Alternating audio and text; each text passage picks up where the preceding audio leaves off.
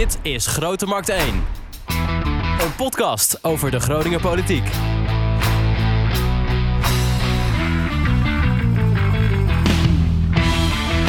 Leuk dat je luistert naar aflevering 16 van Grote Markt 1. Mijn naam is Wouter Holsappel en tegenover mij zit Echo van Oosterhout. Goedemorgen, Wouter. Echo, ehm, voordat we naar onze gast van vandaag gaan, ehm, hoe is het met je? Met mij is het goed. Ik eh, heb net een uitnodiging gekregen om te gaan prikken. Oh, Voor, vanwege de corona. En dat doe ik 20 april om half twee. gefeliciteerd. Dankjewel.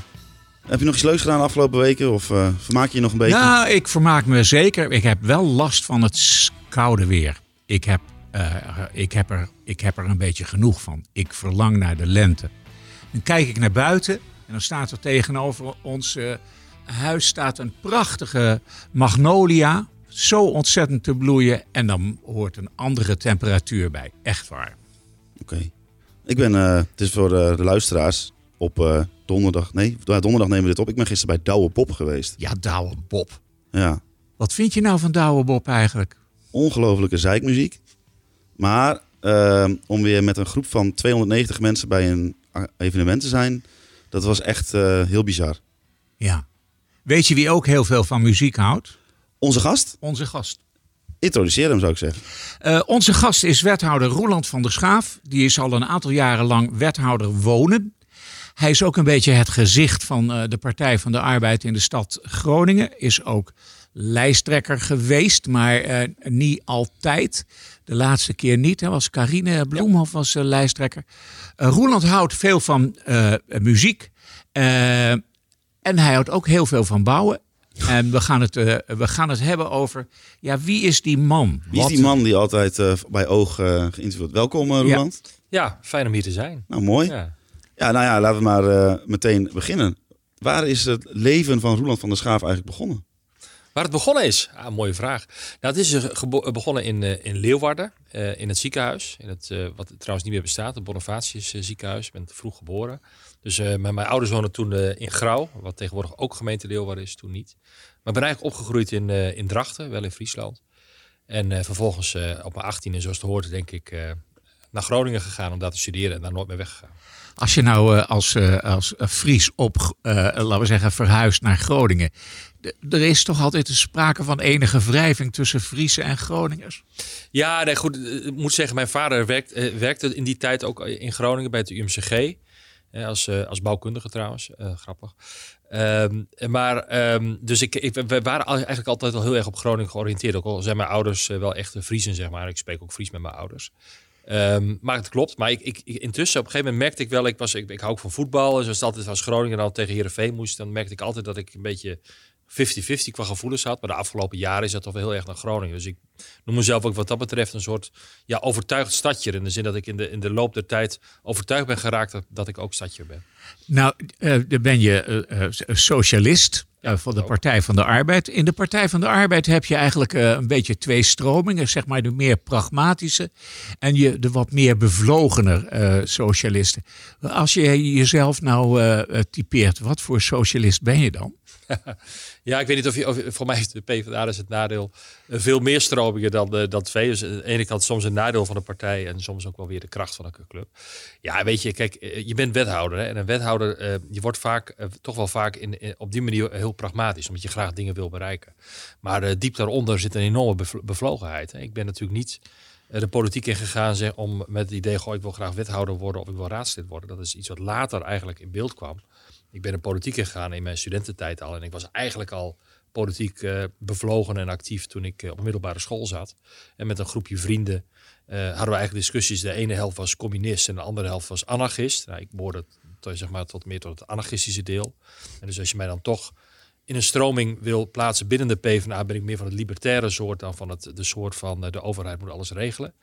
Ehm, dus, eh, maar goed, er was toen al een beetje de discussie. Later ben je natuurlijk wat gematigder, ben ik wat gematigder geworden. Maar dat zit er eigenlijk al heel lang in.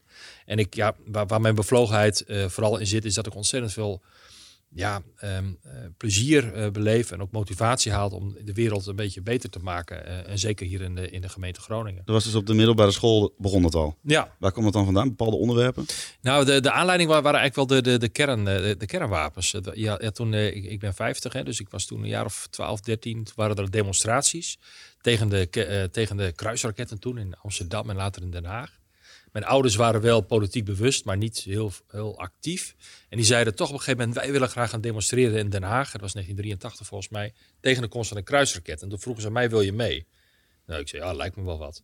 En eigenlijk is het toen begonnen. Toen ik daar was, was ik zo onder de indruk. En daarna ben ik kranten gaan lezen. Ben ik ook met een vriend van mij, zijn we langs de deuren gegaan in mijn woonwijk om enquêtes te houden. Wat mensen vonden van de, van de kruisraketten. Toen je Nou, 12 was. Ja, 12, 13, ja. ja. En eh, toen is het begonnen. Toen Het deed was, de, dan. het was de grootste demonstratie ooit Ja, in ik ben erbij geweest. Ja. Ja. Ik kan me nog herinneren dat we, we zaten in een bus hè, vanuit Drachten dan. En op een gegeven moment stonden we in de file dat er een enorme rij bussen stond vlak voor Den Haag. Het was echt indrukwekkend. Ja, Die ken ik, al- dit- deze ken ik alleen maar van de archiefbeelden, denk ik. Dat denk ja ik dat denk ik wel. 1983. hè. Ja, toen was ik er nog niet. Nee, je moest nog geboren worden. Ja, nou, dat was pas zeven jaar later. Maar toen Ja, is het ja. eigenlijk begonnen. Als je het hebt over de. eh, eh, eh, dat was eigenlijk wel de geboorte van mijn politieke bewustzijn. En, en, en daarna is het eigenlijk nooit meer weggegaan. Maar was het dan alleen maar eh, dat soort dingen waar je in die leeftijd mee bezig hield? Nou, in het begin wel. Het was vooral internationale politiek en lokale politiek. Daar, daar wist ik eigenlijk niks van. Ik wist helemaal niet. Ja, Maar- ik was 12 eh, wie de wethouder van Drachten was. En sterker nog, toen ik in Groningen ging wonen. Toen was ik ook wel met vrienden. Op een gegeven moment ben ik besloten om bij de jonge socialisten te gaan. Hè, van de PvdA. Ehm maar dat was eigenlijk omdat ik vooral bezig was met internationale politiek en nationale politiek. En iets als de gemeenteraad. Ja, ik wist net wie Iepke Gietema was ongeveer. En, eh, of Willem Spink eh, was toen, ik weet niet meer. Dat wist ik toen ongeveer. En eh, eigenlijk kwam ik om die reden bij de jonge socialisten. En toen op een gegeven moment riep ik dat op het PvdA-pand rond. Hè. Dat was ook de Hardingenstraat. En ehm, toen kwam ik ook in aanmerking met gemeenteraadsleden en eh, wethouders. En toen dacht ik van ja, verrek. Je kan ook wel iets. eh, Lokaal speelt er ook genoeg. En ik woonde in de Oosterpoort eh, toen, de Dijkstraat. En daar speelde toen een enorme discussie. Dat ging toen over de aanleg van de Griffenweg. En die daar dwars doorheen door de kop van de Oosterpoort is gelegd. Dat leverde toen heel veel gedoe in de buurt op. Nou, ik ben daar niet actief in geworden. Ik had daar ook niet een echte mening over. Maar ik heb, ben wel in contact geweest met een aantal buurtgenoten ook die daarmee bezig waren. En toen zag ik in één keer, hey, die lokale politiek die, eh, die doet er ook toe. En als je dan op zo'n jonge leeftijd al eh, politiek eh, in- geïnteresseerd bent, wat zegt dan bijvoorbeeld de vriendengroep of zo, zeggen die daar wat van? Vinden die daar wat van? Ja, eh, een aantal vrienden van mij zijn, zaten ook eigenlijk bij de JS. Dus we hebben samen op een gegeven moment samen met een vriend van mij hebben de stap gezet. We bellen aan bij het PvdA-pand en eh, we, gaan, we gaan, eh, gaan actief worden. Maar er waren ook anderen die, die daar met totaal andere dingen bezig waren. En die dat wel interessant vonden, maar ook af en toe wel grapjes over maakten. Maar goed, die zaten dan bijvoorbeeld bij Albertus en daar maakte ik dan weer grapjes over. Wat, wat voor studie? Ik heb geschiedenis en filosofie gedaan. Ah, Oké. Ja. En Ja. dus, ehm, wat, is dan, wat was vooraf het idee van ik wil dit en dit worden? Of? Nee, nee, dat, was ook, dat is ook een bijzonder verhaal. Ik ben geschiedenis gaan doen eigenlijk omdat ik eh, internationale betrekkingen wilde studeren. Dat is tegenwoordig een vol, eh, studie die je al vanaf jaar één kan doen. Mhm. Maar toen was dat iets wat je pas eh, in het tweede jaar kon doen. Hè. Toen moest je, had je nog een vierjarige en daarna eh, opleiding. Dus ik dacht van nou, dan begin ik met geschiedenis en dan ga ik daarna internationale betrekkingen doen. Nou, dat ging me best goed af in geschiedenis. Ik denk, nou, ik doe allebei, want ik vond het ook leuk. Twee studies. En toen eh, na een half, nou, ik denk een half jaar IB, wat eh, internationale betrekking, wat best goed ging, moet ik zeggen. Maar dacht ik van ja, dit is het niet. Het was van alles een beetje. En ik zocht toch wat meer de, met de diepgang. Dus ik ben toen eh, filosofie ernaast gaan doen. Naast geschiedenis. In, in de Partij van de Arbeid werd altijd gezongen op de Dag van de Arbeid, de internationale. Heb jij dat ook gedaan? Ja, sterker nog, ik heb bij een koor gezeten. Wat, de sorry, maar dit is ook echt totaal iets wat ik geen idee van heb. Wat is dit? De internationale, dat is ontwaakt verworpenen der aarde. En eh, eh, eh, zoals de Partij van de Arbeid vroeger werd er gedanst rond de meiboom. Ja, dat Wat is al dat? heel lang geleden. Dat hoor. is al heel lang geleden. Ja, een paal met allemaal vlaggen eraan. En dan draaiden ze rondjes en dan zongen ze ontwaakt bijvoorbeeld verworpenen der aarde en zo. een hele enorme Ja. 18e eeuw vibe van. Maar het is dus van, Ja. van, van Nou, dat, dat, dat heeft bestaan tot 1950, 60, zo daar, daaromtrent. Oké. En dan, ja, dat zingen, de internationale, dat, dat, dat, is, dat is, heeft ook nog heel lang bestaan. Nou, sterker nog, ik heb een aantal jaren gezongen in het koor De Volksstem in Ja. Groningen. Daar ben ik terechtgekomen via Arjan de Rooij, hè, jullie wel bekend. Dat was eh, een studiegenoot eh, van mij. Ehm, hij, was, hij is wel ouder dan ik, maar hij, hij had eerst een Pabo gedaan. En toen kwam ik hem daar tegen bij de studie geschiedenis. En hij zei van, eh, van nou, ga eens mee naar het koor. Want, eh, en met nog een paar mensen zijn daar heb ik jaren bij gezeten. En dat was echt heel grappig, want er waren dus echt, de gemiddelde leeftijd lag daar Nou, ongeveer wat nu de gemiddelde eh, leeftijd is van mensen die nog op de PvdA stemmen. Om een gra- Maar- en, er was een groepje jongeren. En, en daar hoorde ik dan bij. En dat was eigenlijk heel erg leuk om te doen. Want ehm, het zingen vond ik leuk. Er waren een leuk clubje van mensen. Eh, en het, wat, ik, eh, wat ik wel heel mooi vond, is dat je door die verschillende leeftijdsgroepen, ehm, want toch, dat is toch een beetje als student, eh, zit je toch snel in een bubbel, ook ik hoor. Ik was wel politiek actief, maar ja, dan kom je toch vooral bij de jongeren eh, eh, terecht. Dat je ziet dat, er, eh, dat je veel meer intensiever in contact komt eigenlijk met, ja, met allerlei andere mensen die ook gewoon in de stad Groningen wonen. Dus het, eh, Ja, ik, heb nog even, ik ging nog even aan op iets, want ik hoorde het woord voetbal. Nou ja, goed, ik hou ook van voetbal. Ik kijk Echo aan, die begint maar die vindt het niks. Hè? Voetbal is echt, ja, sorry, het is zonde van de tijd. Eh, het kost ook heel veel geld. Eh, begrijp ik dat er die voetbalclubs die, die moeten allemaal subsidie hebben. En dan moeten Ja, ja, ja, stadions gebouwd worden. En dan kunnen ze de huur weer niet betalen. En dan komt er weer een clubje wethouders die zegt, nou, betalen wij het wel. En Nou zo. goed, dit is dus, En dan- eh, en dus, dan- eh, de visie van Echo burgemeester- voetbal. Waarvan, waarvan akte Echo van Oosterhout. Maar eh, vorige week was het eh Groningen Heerenveen. Ja, Voor welke club? eh, nee, dan ben ik echt voor Groningen. Ja, absoluut. maar vroeger dus niet. Nee, vroeger voor Heerenveen. En mijn vader is nog steeds voor Heerenveen. Eh, Maar maar is een wij- zeldzaam soort, denk ik, dit. Ja, maar goed, het, we, we- helaas heeft eh, Groningen verloren vorige week. Hè. Maar, nee, ik hou van voetbal. Ik voetbal zelf trouwens niet meer. Misschien wel te zien, helaas. Maar, Ehm, Zelf gevoetbald ook ja, veel. zeker. eh in Dracht gevoetbald en later bij Amicitia hier in, in Groningen. En mijn kinderen, drie van mijn vier kinderen, die, die voetballen ook bij Amicitia. Dus ik, nou ja, nu even niet. Ook Groningen supporters? Nou, dus weer, weer wisselend. Ehm, eh, mijn, eh, mijn, eh, mijn ene zoon is inderdaad echt, echt van FC Groningen. Mijn dochter die ook voetbalt, ook. Maar mijn andere zoon die voetbalt is groot fan van AZ. Dus die, en, en dan heb ik nog één zoon die, die niet, niet op voetbal zit. En die houdt dus van Ajax. Ah, oké. En eventjes, want daar, ja, Echo Groningen moet toch eventjes over doorgaan. Als Arjen Robben dan invalt, wat, hoe, hoe, hoe komt dat binnen? Nee, daar, was, daar waren wij wel heel blij mee. Mijn, mijn, mijn zoon, die dus echt Groningen-fan is, die moest eh, leren. Eh, die, die kon eigenlijk die wedstrijd niet zien. Thuis, Groningen-Herenveen. Dus ze zaten voor de buis. Maar toen Arjen Robben binnenkwam, heb ik hem wel even naar beneden geroepen. Ah, en hij viel ook heel goed in, maar het hielp niet. We verloren toch. Dat is een historisch moment, toch? Ja, zeker. En ik, was, ik heb ook zien voetballen. Dat was natuurlijk wel toen hij tegen, ik weet, dat was achter PSV, toen hij ook eh geblesseerd uitviel. Ja. Nou, over kinderen gesproken, Echo. Ja, dat is wel, dit is dan wel het moment, hè? Dit, is een, hè, dit is het moment. We hebben even eh, iemand eh, uit eh, jouw gezinsleven eh, Ja. hierheen gelokt. Ja, En collega Suzanne is daar eens eventjes rustig mee gaan zitten. En hebben we eventjes een compilatie gemaakt van wat hij nou eigenlijk eh, denkt van... Ja, ja wat, wat zijn vader eigenlijk de hele dag doet. Daar komt het eigenlijk een beetje op neer. Gaan we even naar luisteren. heel spannend. Kan je je even voorstellen? Nou, ik ben Sjoerd, ik ben 13 jaar oud en ik zit op Wessel Gansvoort. En ik ben de vader, nee, de zoon van de Roele van der Schaaf. Eh, Stel je voor, iemand vraagt jou... hey, eh Sjoerd, wat doet je vader eigenlijk? Wat zeg je dan? Nou, hij is wethouder en dan, dan gaat hij vooral saai werk gaat hij bespreken. En af en toe doet hij leuke dingen.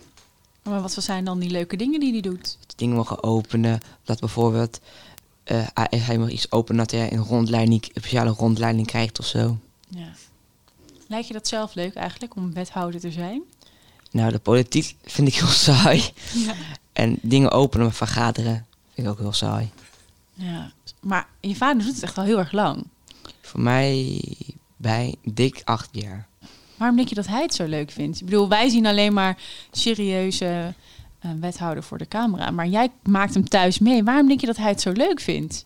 Nou, ik denk zijn collega's. Je, je denkt dat je vader dit nog zo lang doet, omdat hij leuke collega's heeft. Ja, en dat hij het zelf ook ook wel leuk vindt. Dat, iets wordt wel heel gewaardeerd door andere mensen. Oh, ja.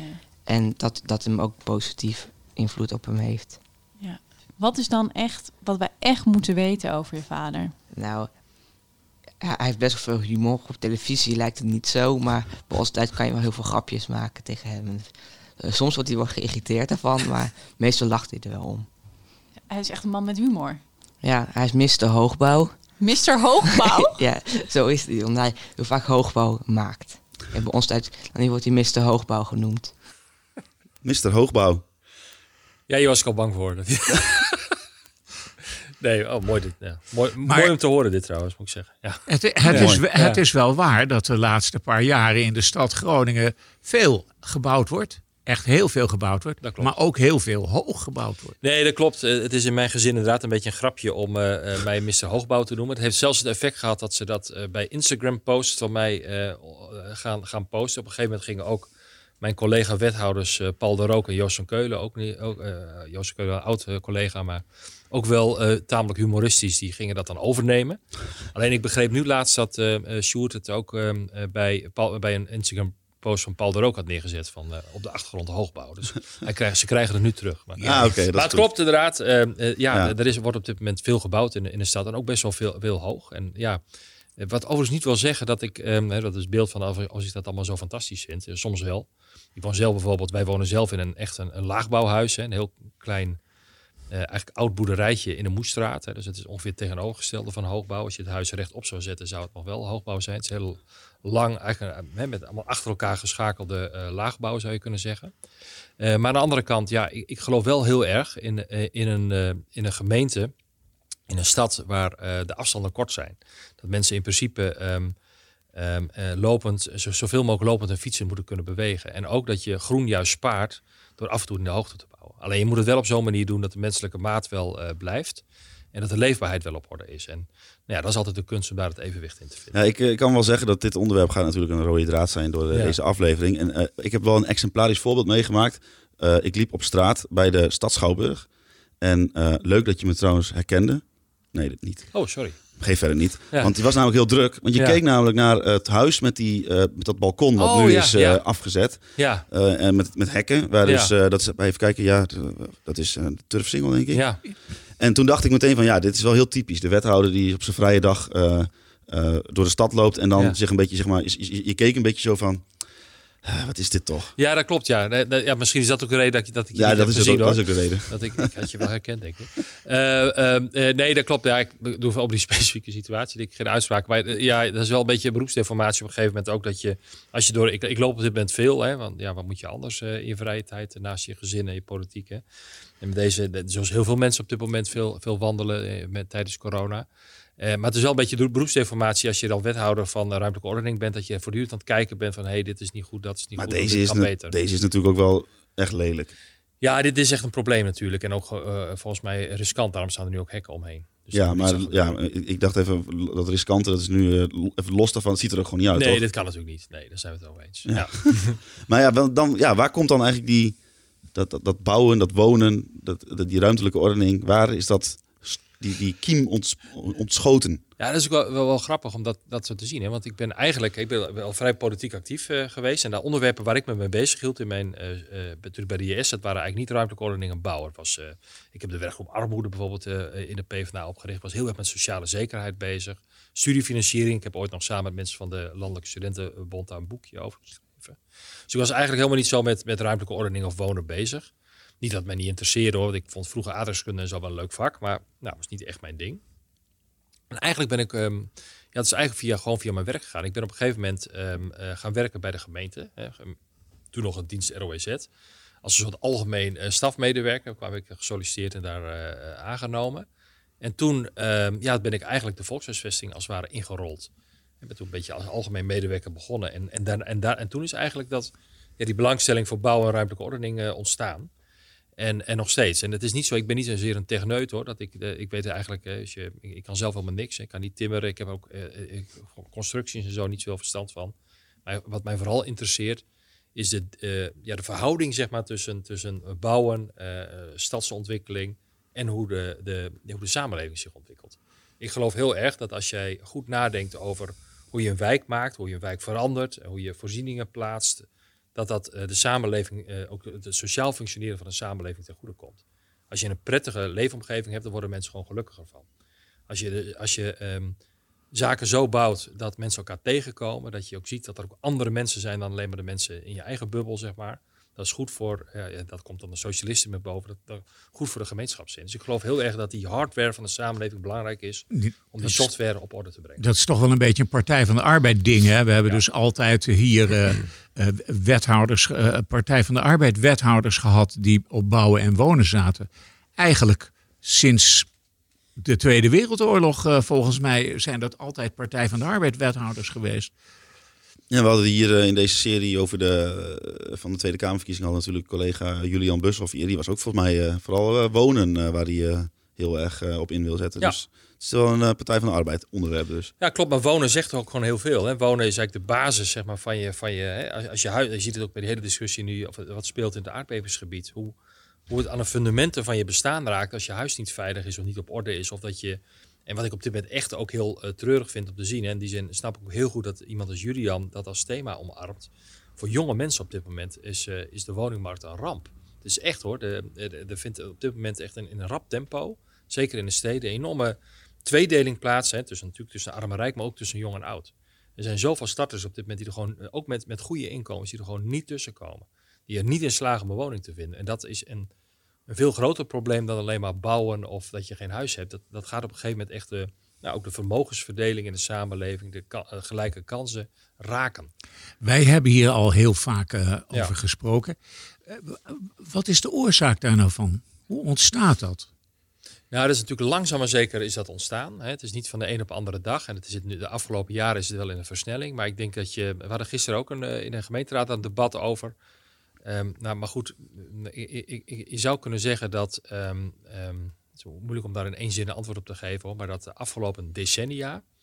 eh, er een soort overtuiging is geraakt dat eh, ontstaan dat, dat als je de, de markt zijn gang laat gaan, dat dat het beste is voor de woningmarkt. Alleen het punt is, de woningmarkt is een volstrekt hè, imperfecte markt. Er is altijd te weinig aanbod.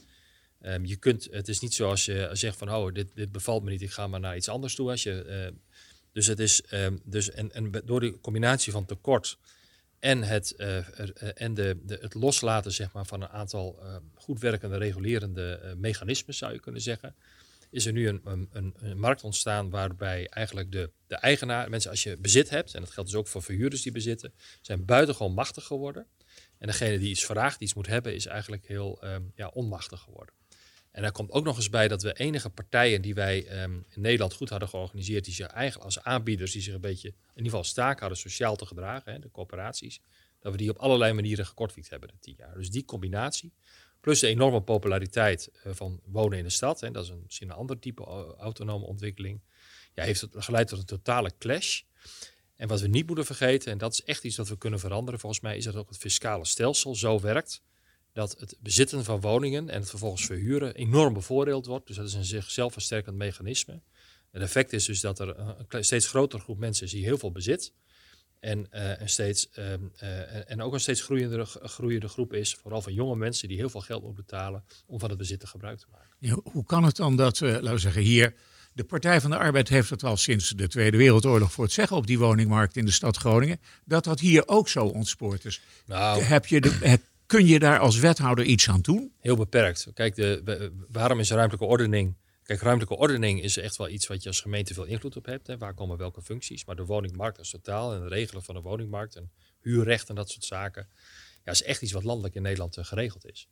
Dus eh, wat voor beleid je ook lokaal eh, voert, het, zijn, het is landelijk beleid en ook en de economie als totaal die als het ware eh, be- bepaalt hoe, hoe zoiets lokaal werkt. Natuurlijk kun je daar invloed op uitoefenen, maar die grote trend die ik net schets, ja, dat, dat is niet iets wat je lokaal kunt keren of, eh, of kunt stoppen. Dat Dus, moet echt in Den Haag gebeuren. Hier, hier zitten dan bij ons wel eens eh, bijvoorbeeld kandidaat-Kamerleden. En die zeggen dan, ja, eh, wonen is geen markt, wonen is een recht.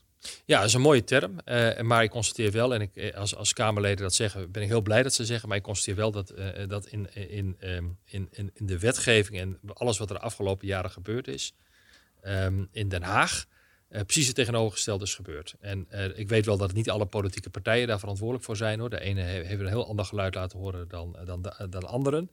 Maar dat is de afgelopen decennia. Er was eigenlijk geen belangstelling voor wonen. Het kabinet Rutte eh 1, volgens mij, met, eh, eh, heeft het ministerie van Vrom opgeheven. Er was een minister van Wonen, Blok, die er trots op was dat hij eigenlijk zei: ik, eh, ik heb dat, eh, Eigenlijk zou ik de laatste minister van Wonen moeten zijn. Eigenlijk, eigenlijk moet Den Haag zich überhaupt niet meer mee bemoeien. Dat is symbolisch voor hoe er lange tijd in Den Haag gedacht is over wonen. De hele directies zijn opgeheven. Het was een idee van dit is een markt. De gemeentes moeten maar een beetje regelen waar gebouwd kan worden. En dan redt de wereld zichzelf wel. Nou, het is een grote fout geweest. En juist een land als Nederland, wat best wel eh, met, we hebben een druk land. Eh, veel mensen eh, wonen op elkaar. Dus wonen en ruimtelijke ordening is hier altijd ingewikkelder dan pakweg in Zweden of in Frankrijk. Maar we hadden het eigenlijk best goed georganiseerd. Ik heb ooit een keer gesproken met een burgemeester, ik dacht van Odense, die op bezoek was in Nederland. of in Groningen. En die zei van, ja, ik ben eigenlijk, dat was ook een sociaaldemocraat, die zei van, jullie hebben het in Nederland zo goed geregeld met, met die coöperaties. Want ja, in Scandinavië, hè, ook best wel over het algemeen uh, sociaal bewogen regeringen, hebben dat lang niet zo goed geregeld. Jullie hebben die coöperaties. En toen vertelde ik wat wij alle, allemaal op dat moment aan het doen waren. Dat woningbouwcoöperaties netto belastingbetaler zijn geworden aan, aan, de, aan de staat. Hè. Er gaat meer belastinggeld van corporaties naar de overheid dan andersom. Nou, hij, hij, hij snapte daar niks van. Wat hebben jullie kunnen doen in Nederland? En dat is de afgelopen jaren uh, gebeurd. Nou, om dat te herstellen, want het, is een van de dingen die meespelen, zijn meer dingen. Ja, daar hebben we jaren voor nodig. En het enige ja, wat we lokaal kunnen doen, of het enige, maar we, doen, we kunnen een paar dingen. We kunnen zorgen dat er goed gebouwd wordt. Hè. Hoe meer woningen, hoe meer keuze ook voor de, uh, voor de, voor de huurder en de, en de koper. We kunnen alternatieven bedenken door met onze coöperaties of met andere initiatieven te gaan werken, zodat er iets aan betaalbaar wonen ontstaat. Ja, en wat we kunnen doen is een aantal uh, beperkende maatregelen om ervoor te zorgen dat al die beleggers niet nog meer macht krijgen op de woningmarkt. En waar ik heel blij mee ben, hè, binnenkort komt er een, uh, een wet uh, die een opkoopbescherming regelt. Dan kunnen wij ervoor voorkomen dat beleggers uh, alle woningen wegkopen voor de neus van, van mensen. We hebben, heel vaak heb je tegen mij gezegd van er moet een woonplicht komen. Als je een, als je een pand koopt in de stad Groningen moet je er ook gaan wonen, anders moet je die kopen. Ja, daar komt eigenlijk op neer. Hè. Dus de, de opkoopbescherming is net hoe je het, hoe je het definieert. Maar het komt er eigenlijk op neer dat als je, als je nu een woning, uh, woning te koop staat. Ik hoor het ook om me heen. Hè. Mensen die zeggen van zeker wat kleinere woningen. Dat uh, mensen komen kijken op een woning. Dan is er, is er sowieso enorm veel belangstelling. Ja, want er zijn gewoon te weinig woningen. Maar dan gaat de woning ook nog vaak naar de, die ene belegger die het meeste kan bieden. En ook het snelste het geld kan overmaken. Die hoeft niet met de bank te gaan overleggen, et cetera. Omdat hij zoveel winst maakt op al zijn andere woningen. En die overbiedt aan iedereen. En die gaat die woning dan voor het, uh, het tweedubbele in de huur zetten. Wat je anders had moeten betalen als je hem gekocht had aan maatlasten. Zo zijn we dus geld van jonge mensen, vooral jonge ja. starters, aan het brengen naar een kleine groep mensen die daar uh, steeds maar weer meer huizen voor. Ja, als ik dat moeten we tegen. Even simpel uh, naar kijken, soms dit is gewoon even heel gesimpliceerd, zeg maar. Um, soms dan denk ik van, zegt de bank of een bank zegt dan van, hier, dit is zou je de hypotheek zijn, maar die kun je niet betalen, dus ga maar meer huur betalen. Denk, dat is ook een beetje zijn. Ja, dat is bizar. Want, want, uh, misschien, want ik, ik ken genoeg voorbeelden van um, mensen die dan misschien net uh, de bank konden overtuigen. En dan bijvoorbeeld zoveel, het konden eigenlijk qua maatlast prima betalen. Maar hoe dat mag dan net van de bank. Maar dan verliezen ze de bieding, want er is een, een, belegger die koopt die woning voor hun neus weg voor een veel hoger bedrag. Dan staat die woning vervolgens te, ko of te huur voor het dubbele bedrag van wat je aan de bank kwijt was geweest. Ja. Dus je bent evenveel, je bent twee keer zoveel kwijt. En waar blijft dat geld dan? Hè? Dat geld gaat dan naar die belegger die dat uh, dan weer steekt in nieuwe huizen. Ja. Een enorme kapitaalsconcentratie. Uh, maar uh, in de gemeente Groningen kun je er dus in principe beperkt dingen aan doen. Um, nou, hopelijk straks dus meer met zo'n met zo'n woonplicht of opkoopverbod. Dan, dat zou echt helpen, denk ik. Komt, ja, maar dat, komt dat er dan? Dat, ik geloof dat de Tweede Kamer, ik ben even even mijn hoop, maar volgens mij is er, de kabinet heeft het voorgesteld. Dus dat, nou, als, als dit kabinet hè, met deze politieke samenstelling zoiets voorstelt, dan ben ik van overtuigd dat de, de rest van de Tweede Kamer dit ook steunt. Hè, want dit is een wet waar in ieder geval door linkse partijen denk ik ook uh, achter zullen gaan staan. Voor mij zit het nu nog bij de Eerste Kamer. En zodra het daar doorheen is, dan kunnen wij gebieden gaan aanwijzen in Groningen waarvoor dat geldt. En dat gaan we ook doen. Dat bereiden we ook voor dat we dat bij wijze van spreken direct kunnen doen zodra het kan. Maar ben je dan ook uh, met, bijvoorbeeld met wethouders wonen, ruimtelijke ordening van veel andere grote steden. Want Groningen is toch nou stad nummer 6 ja. van het land.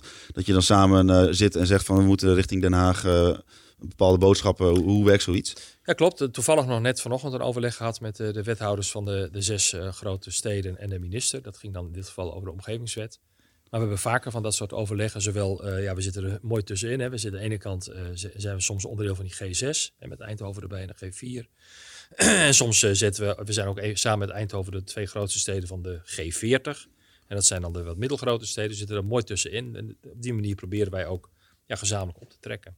En je ziet dat bepaalde problemen die wij in Groningen hebben hè, als, als uh, universiteitsstad, ja, die heb je natuurlijk ook in andere steden als Leiden, uh, Amsterdam natuurlijk, Utrecht. Dus dan heb je ook weer een gemeenschappelijke agenda. En ja, zo probeer je dan het Rijk zowel via uh, ambtelijke lijn of via de minister als via de Tweede Kamer te beïnvloeden. Wat echt helpt. Nou, ik zei al, heel lang was wonen eigenlijk geen issue in Den Haag. Nou, sinds een aantal jaren weer wel. Mm -hmm. Dus ook Tweede Kamerleden ja, zijn veel meer dan pakweg vijf jaar geleden geïnteresseerd om op het gebied van wonen ook stappen te zetten. Heb je dan veel contact met bijvoorbeeld Henk Nijboer? Ja, zeker. Kijk, het voordeel is dat Henk, uh, uh, ik ken hem ook heel lang. Uh, ik heb zelfs, dat is wel leuk om te vertellen, um, toen hij, voor mij was hij nog 17, toen was hij afgevaardigde van, van de toen nog PvdA-afdeling Ten Boer. En ik kan me nog herinneren dat ik samen met hem naar het congres ging. En dat hij toen, Ad Melker, toen enorm het vuur aan de schenen legde over de hypotheekrenteaftrek. En toen, nou, toen kon je het, talent van Henk al, al zien. Ehm, dus we hebben veel contact met, met hem. ja, hij is natuurlijk een, een, een, geweldig Kamerlid. En blij dat we zo iemand ook, ehm, nou, in, als partij zeg ik dat, maar ook fijn voor Groningen, dat we zo iemand in ons, ja, in ons midden hebben. Ik kwam hem laatst tegen toen hij aan het hardlopen was. Denk, ja, ja. Dat, dat, doet hij ook nog. Ja, hier, hier bij, uh, we zitten hier op Zernike, daar uh, achter oh. het, uh, daar loopt, liep hij. En hij kijkt net zo bedreven tijdens het hardlopen als als hij aan het debatteren is. Ja, ja, ja. ja dat moet ook wel. Dus wat dat betreft... wat is nou in, want je bent nu ongeveer acht jaar wethouder. Ja. Wat is nou als wethouder het grootste dieptepunt geweest van die acht jaar? Dat je echt dacht van dat ik dit mee moet maken? Oh, goede vraag. Um,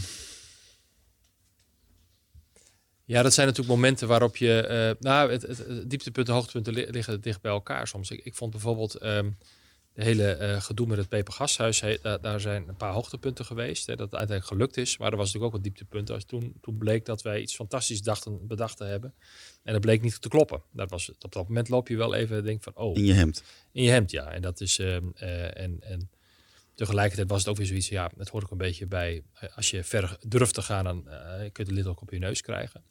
Maar eigenlijk, eh, dat is misschien toch niet het goede voorbeeld. Als, wat ik echt de dieptepunten vind, en die zal ik ook, vrees ik, de komende maanden ook weer een paar keer meemaken. We hadden het bijvoorbeeld net over uh, Lage Land, uh, Polder en uh, Meerstad Noord. wat ik echt persoonlijk de grootste dieptepunten vind, is wethouder, en dat, daar ontkom ik niet aan. Kijk, als je wethouder ruimtelijke ordening bent of, of wonen, ehm, ja, ben je verantwoordelijk voor grote beslissingen. Die volgens mij, ja, anders neem je ze niet. Eh, van belang zijn voor de toekomst van, van, de, van de gemeente, van de stad. Als het om klimaat gaat, energie of wonen. Maar er zijn altijd mensen die daar last van hebben. En die daar tegen zijn. Soms met goede argumenten, soms met minder goede argumenten. Ook uh, soms, en dat zijn natuurlijk wel de grootste dieptepunten. Als je zo tegenover je bewoners komt te staan. En als je dan al acht jaar wethouder bent, en wat ik zei, ik wandel veel. Ja, dan kom je toch wel heel vaak, als je al acht jaar dat bent, wethouder, wonen op heel veel plekken waar je denkt, oh, hier heb ik ook al geschiedenis. Hier zijn ze ook wel eens boos op mij geweest. En dat is niet persoonlijk, soms misschien ook wel. Maar dat vind ik wel het dieptepunt. Dat, je, dat is een beetje de aard van de portefeuille ook. Hè. Dat, dat moet je geen ruimtelijke ordening doen. Maar uh, dat ik wel constateer dat uh, toen ik als wethouder begon, dacht ik van ja, ik ga het anders doen. Ik ga niet, want ik, mijn voorgangers, een aantal zijn bekend, die stonden er wel eens bekend omdat ze nou ja, we werden wel eens ten onrechte, denk ik, maar wel eens wel gelijkgesteld van nou, die zijn de baas en die luisteren slecht naar burgers. En ik zei, ik wil, dat, ik wil dat anders doen. Maar na acht jaar kom je er wel achter van ja, het is soms onvermijdelijk dat je heel erg tegenover je inwoners komt te staan. Je, je, je doelt hier een beetje op uh, Iepke Gietema bijvoorbeeld, ja. die nogal stevige uitspraken deed tegen uh, inwoners. Ja. Uh, zijn opvolger Frank de Vries, die er, die er ook wel wat van kon. Ja, bijvoorbeeld. Het, dat, is in ieder geval het imago wat, wat, wat soms uh, rond hen hing. Of uh, niet alleen per se PvdA-wethouders, maar ook. En, ik, en het heb ik wel gezegd, ja, ik wil dat niet. Hè. En ik wil niet zo'n wethouder, ik bedoel, het niet flauw naar, naar hun toe, maar ik, ik heb echt, wil het anders doen. Maar je komt op een gegeven moment toch tot, tot, tot een, een situatie dat je, um, nou, je bijvoorbeeld zo'n beslissing over Meerstad Noord. Hoe goed wij, hè, je kan van alles over beslissen wat je nou doet met zo'n polder en hoe wij dat proces hebben gedaan. Maar je weet dat je keihard tegenover je inwoners komt te staan. En dat is ook als er, hè, we hadden het net over hoogbouw. Ja, want daar komen, uh, dat, is, dat is waar we het vorige week over hebben ja. gehad. Uh, ja. Hier, ja, sorry. Dat er een zonnepark komt. Ja, zonnepark is voorbeeld wat nu speelt. Maar het komt ook, we hadden het net over hoogbouw. Ja, als je ergens een hoog gebouw plant, ja, in Parapool een paar keer meegemaakt. Hè, bij de rijdiepzone, dat mensen daar echt heel erg op tegen zijn. En, en nou ja, en dan, en dan, dan moet je, zit je aan de ene kant, denk je, ja, vanuit algemeen belang en is dit een goede ruimtelijke ordening, ja, vind je het een goed besluit. Maar dat je dan tegenover je bewoners komt staan die dan echt fundamenteel, ook hoe het je ook gedaan hebben, toch het vertrouwen in, in de overheid misschien wel verliezen. Ja, dat vind ik heel. Dat, vind, dat zijn de dieptepunten. Heb, je daar nou, heb je daar nou slapeloze nachten van? Um, nee, dat niet. Dat, dat, dat, dat klinkt heel hard, maar ik, ik slaap goed. En, uh, maar er zijn wel eens momenten dat ik wakker word en. Um, Weten we dat ook meteen? Ja, nee, ik, dat, dat lukt mij goed. Ik, ik kan het van me afzetten, anders hou ik het ook niet vol. Maar dat zijn wel, als je mij vraagt wat zijn dieptepunten, ja, dat, dat vind ik gewoon. Um, en ik ben ook nog steeds op zoek hoe je dat uh, beter kan doen. Hè? Want um, ik denk eerder gezegd dat het probleem alleen maar groter wordt de komende jaren. Hè? Als je ziet wat er in de Groningen allemaal moet gebeuren. Hè, om de Groningen klimaat, uh, de energietransitie, de klimaatadaptatie, de woningbouwopgave. Um, de komende jaren uh, wordt, alleen, wordt waarschijnlijk meer nog in de, aan die stad gesleuteld dan de afgelopen jaren. Ik... Dus die stress die dat in de samenleving gaat veroorzaken.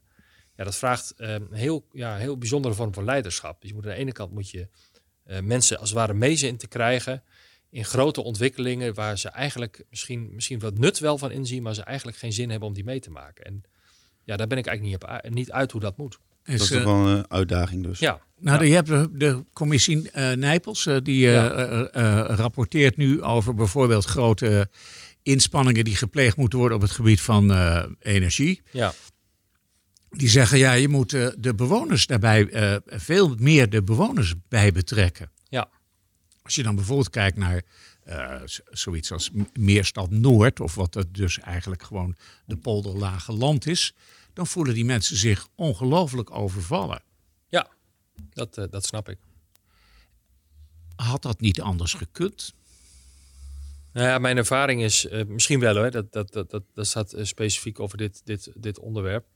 Maar ik, mijn ervaring is dat er maar weinig. ehm, ehm, er is altijd een moment dat je het moet vertellen. Hè? En we hebben nu bijvoorbeeld, nu speelt bijvoorbeeld bij de provincie, hè, die het idee heeft om de Eems, eh, Eemshaven uit te Ja. breiden. Ja, op het moment dat je dat, dat is ook een moment dat je dat vertelt aan de mensen van Oude Schip in dit geval, die ernaast wonen. Je moet het, eh, op het moment dat je het vertelt, overvallen mensen dat.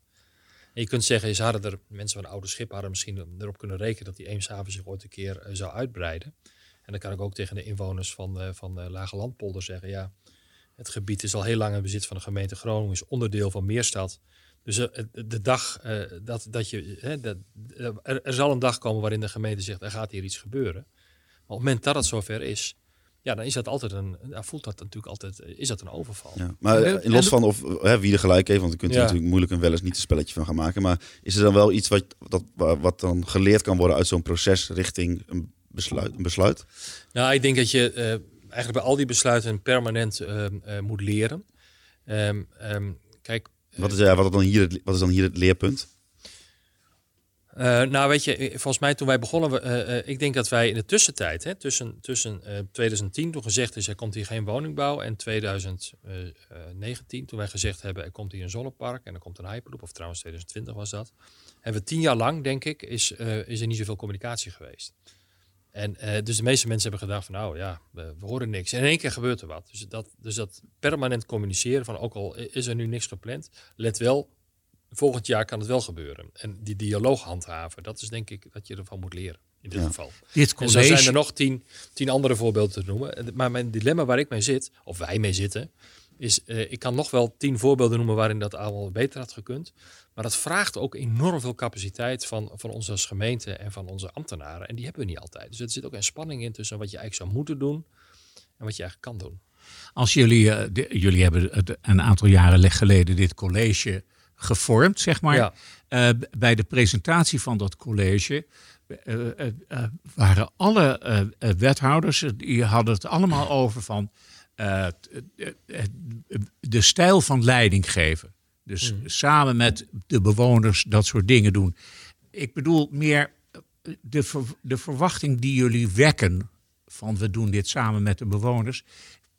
Is- Klop je die verwachtingen niet te hoog op? Ja, ik denk misschien wel. Ik denk dat, ehm, ehm, eh, dat, je, dat je moet ehm, beseffen, denk ik, dat je als bestuurder, dat, je, eh, dat eerlijkheid heel belangrijk is. En, en, dat is eh, en soms moet je gewoon accepteren, en daar moet je ook eerlijk over zijn, dat eh, ook, je wilt natuurlijk zoveel mogelijk samen met de burgers doen, maar je ontkomt er soms niet aan dat je ook tegenover die burger komt te staan. Soms ten, ten, ten gunste van andere belangen, want dat is het punt. Hè? Die energietransitie is niet een soort ambitie van, van het college van BNB, omdat wij graag zonnepanelen willen plaatsen. Nee, daar is een noodzaak toe. En we willen ehm, eh, onze, onze kinderen, zeg maar, die, die willen we ook een wereld ehm, geven waarin ze ook nog prettig kunnen leven. Dus we moeten naar duurzame energie. Dat is het belang wat je nastreeft. En soms moet je dan besluiten nemen die, die de mensen direct raken, die, die, ehm, ja, waar ze gewoon eh, buitensporig veel last van hebben ten opzichte van de voordelen die ze hebben. Dat klopt. Dus je moet ook oppassen dat je de verwachtingen niet te hoog eh, opklopt. Tegelijkertijd ontkomen we er niet aan. Hè?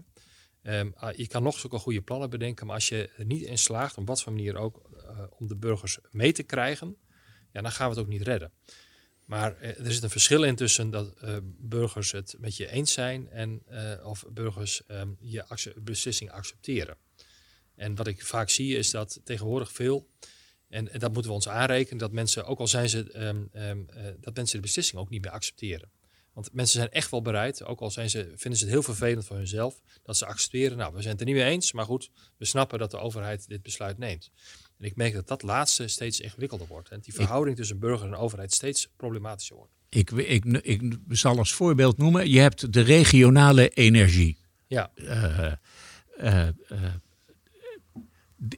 er wordt afgesproken, er zijn 20 energieregio's in Nederland. Die gaan met elkaar uh, 35, 30 megawatt ophoesten, terawatt ophoesten aan groene energie. De gemeente of de provincie Groningen, een van de 20 regio's, die neemt voor zijn rekening 20% van de doelstelling. Dus de ambitie van, de, van Groningen is veel hoger dan welke andere ambitie dan ook. En dat is natuurlijk een, een, een beslissing die zich ergens moet gaan vertalen als jullie zeggen van dit gaan we dan doen. Ja. Uh, maar, maar, niemand weet dat gisteren de provinciale staten die uh, uh, regionale energiestrategie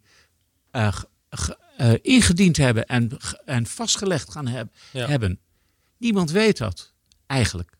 Nee, dat klopt. Het is overigens wel zo dat bijvoorbeeld dat zonnepark in, in Meerstad, dat is um, ook gewoon vooral nodig om onze eigen energiebehoeften te voorzien. Hè. Dat is niet om elders energiebehoeften te voorzien. Hè. Want als stad zijn we echt, gebruiken we veel meer energie dan wij kunnen opwekken. Maar het klopt hè, dat vaak eh, dit soort fundamentele besluiten die consequenties hebben in het dagelijkse leefomgeving van mensen, die worden op een moment genomen dat voor de meeste mensen dat een verre van mijn bedshow eh, lijkt. En dat, is wel, en dat geldt voor ons ook. Hè. Als wij in, de- in, de- in de gemeente Groningen in een omgevingsvisie, hè, de Next City, die krijgt straks een andere naam, hè, want dat, dat kan eigenlijk niet meer, eh, alleen maar stad, zeggen van dit gebied gaan En nog we geen Engels, alstublieft. Ehm, ja, ik vind daar heb ik zelf wat me- minder moeite mee, maar goed. Eh, ik zit hier ook om mijn mening ja, dat mag hoor. nee, maar ik denk ook niet dat het Engels wordt, nee hoor. Ehm, eh, maar ehm, de, de, de, eh, op het moment dat wij dan zeggen, daar, daar kan gebouwd worden. Ja, en dan op het moment dat er daar een, concreet plan komt. en iemand die woont er tegenover denkt, ja, maar wat zullen we nou hebben? En dan zeggen we, ja, maar dat stond al in, in dat en dat plan. Ja, en, en dat, dat soort mechanismen, dat is werkelijk eh, funest voor het vertrouwen tussen burger en eh, in dat geval, in dat specifieke situatie.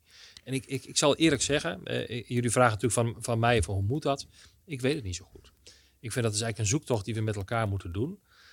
Van, want anders gaat het echt mis. Ik ben ervan overtuigd dat wij, ondanks al onze goede bedoelingen in de gemeente Groningen, dat als wij de burger niet meekrijgen in die grote transities, dan gaat het niet lukken. En ehm, dat is misschien wel de, de bestuurlijke uitdaging voor de komende jaren. Nu Maar hoorde nou, ik net eh, eh, nou hoorde loop- ik, eh, de, de, het woord pepergasthuis vallen, Echo. Ja, Ja, daar wil ik toch even op terug. Ja. Want is dat dan het hoogtepunt? Nee, nee, nee. nee. Ik vond het fantastisch voor die mensen, maar het, daarvoor. het- nee, ik, eh, nou, weet je wat ik. Het is moeilijk om, om één hoogtepunt te noemen. Hè, want dan, dan Maar er zit, er zit nog iets in mijn achterhoofd over dat pepergasthuis. Misschien kun, kun je wel helpen. Want Ja. er staat dus een, nog een... Het, het, het pepergasthuis is een hof in de Peperstraat. Oh, Ja. die eh, door een belegger gekocht zou worden. Dat wilde de gemeente eigenlijk liever niet. Nee. En uiteindelijk is het ook niet doorgegaan.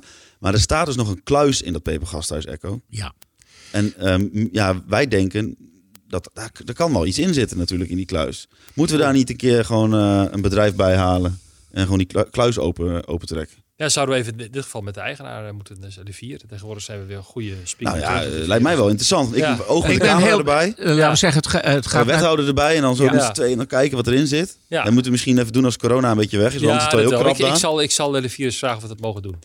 Nou, Een lijkt me goed. goed. idee, gaan we doen. Nou, hier, wordt er nog wat Hey, geregeld is, dit is een, is, dit is een Ja. afspraak. Ja hoor, ik, tenminste, ja, ik, het, is niet mijn klant. Want eh, de, Nee, de nee, nee. beheerder, die gokt, misschien zit het originele eh verkoopakte, verkoopakte wel in die, ah, in die dat zou een grote historische waarde hebben, dat is eh, leuk. Dus ja, Ja, laten we zeggen, het, het gekke is dat er was dus natuurlijk, je had een, eh, het, het, de, de regenten, zeg maar, die het Pepergasthuis bestuurden, Ja. die hadden daar een kluis. En eh, de regenten zijn verdwenen, want het, we- werd, de, het beheer werd overgedaan aan volkshuisvesting toen dat tijd. En eh, de, eh, de, de sleutels van die, sluis, van die kluis die zijn verdwenen. En wat ligt daarin? De juwelen. eh, Ja, de- dus het eh, steeds spannender. de- ja, ja, moeten het wel een beetje papieren, opbouwen. Eh, misschien wel een pistool van Ja, dat iemand. zou mooi zijn. Wat, wat, wat ligt daarin? Ik wil het heel graag Ik, ik, weten. ik ook heel graag. Nou, dan gaan we kijken of we dat kunnen organiseren. dat lijkt me spannend. We maken daar een eh, li- live-uitzending Ja, dat van. Ja, ik wil het zeggen. Ja, ja, daar een zijn we- soort, eh, zijn we live Het, bij. het openen van de kluis. Ja. Ja. En nu? Nou, ik had nog wel een, een vraag, want uh, deze week uh, het, um, stelde D66 vragen over uh, het, het, komende studentenjaar. Ja. En eigenlijk los van, dat, dat kun je misschien straks vertellen, maar hoe is het om dan drie jaar geleden in zo'n tentenkamp voor studenten te staan? Hoe maak je dat mee? Um, want dat is eigenlijk wat, wat het gewoon was, heel plat gezegd. Ja, dat was het was hier. Hè? Dat, dat, ja. ja, kijk... Um, nou ja, Tinterkamp. Kijk, het was, het, was, het dubbele is. Wat ik toen heel vervelend uh, vond, eigenlijk achteraf, is dat wij eigenlijk iets deden wat geen enkele andere uh, stad deed. Namelijk iets aanbieden voor de studenten die niks hadden. En dan is een tentenkamp natuurlijk niet het beste, maar het was in ieder geval iets. Andere steden deden het allemaal niet. Hè. Die zeiden tegen de studenten: los het allemaal lekker zelf maar op. Alleen doordat wij dat deden, uh, kwamen wij massaal in de, in de krant en werd het hier echt enorm ah, groot ja, Dat is een goede manier om naar te kijken. Ja, nee, maar zo was het wel, hè? Dus dat was. Uh, um, dus toen heb ik gedacht van, nou ja, als je, als je, als je iets goeds doet, wil doen, doe het dan ook echt goed. Dus dat tentenkamp hebben we gezet, dat gaan we niet meer doen. Dus wij zijn als een van de weinige steden dat wij elk jaar weer de, de piekopvang uh, organiseren en ervoor zorgen dat de studenten niet bij ja, op straat hoeven te slapen. Oké, nou ja, dat is ook een manier om naar te kijken. Ja, ja, ja dus nou, ja, ja. Nou, ja, ik snap het wel, want inderdaad, als, als, de, je, je, als je iets doet, dan komen ze kijken natuurlijk. Ja, nee, als je niks had, als ik bedoel, het cru is, als ze niks hadden gedaan, hadden ze die tent ook niet kunnen filmen. Hè? Dus het, dat is een beetje het, het, het, lastige. Dus eigenlijk is het onze schuld. Uh, ons, ik weet niet wie met ons bedoelt. De media. Nee, niet de schuld. Maar um, de, ja, voor, voor, mij is de term schuld helemaal niet, niet nee, in nee. orde. nee, nee, dat klopt. Het was, het, het, was, ja, dat was natuurlijk. Dus, dus je moet ervoor zorgen dat zoiets niet, niet weer gebeurt. Je moet ook sowieso zorgen dat mensen, uh, als ze naar de stad komen, dat ze een, een huis kunnen vinden. En dat betekent met voorlichting. En dus als je geen huis kan vinden, misschien moet je dan niet, niet, niet hier naartoe komen. En dat is natuurlijk ook, hè, dat, dat, dat geldt voor iedereen, denk ik. En, maar het gaat vooral om dat we voldoende huizen hebben, ja. natuurlijk. Ja. Nu uh, is het zo dat uh, volgend jaar zijn er verkiezingen. Ja. Um, ja, vier jaar geleden, uh, hoe ging het eigenlijk vier jaar geleden? Was het, toen stond je op zo'n standby van als de PvdA erin komt, dan... Ik stond nummer twee. Stond nummer twee, oké. Okay. Ja, ja. ja, En wat wordt het deze keer? nou, niet weer op nummer twee. Ik denk ook niet op nummer één, nee. nee. Maar, wat wel? Um, nou, dat weet ik nog niet. Ik moet daar nog. Kijk, ik, het zou, ik ga niet uh, op een. Uh, op een het ligt niet voor de hand dat ik um, op een verkiesbare plek ga staan. Omdat, kijk, na acht jaar wethouder, dan zelfs tien jaar, om dan weer in de gemeenteraad te gaan zitten, dat ligt niet voor de hand. Dan kun je wel zeggen van ja, dat ga ik, ga ik doen. En, hè, maar goed, dat ligt niet echt voor de hand. Um, dus ik ga dus even uh, nadenken sowieso wat ik nog voor mezelf wil. Uh, wat belangrijk is, wat de partij wil, dat weet ik ook allemaal nog niet. En hoe verkiezingen zijn.